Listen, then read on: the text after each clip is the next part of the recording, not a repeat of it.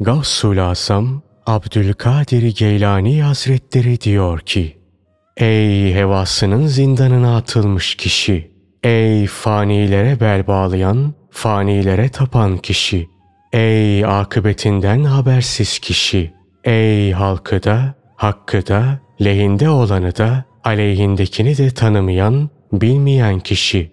Madem ki bunları bilmiyorsun, hiç olmazsa ölümü hatırla, ölümü an.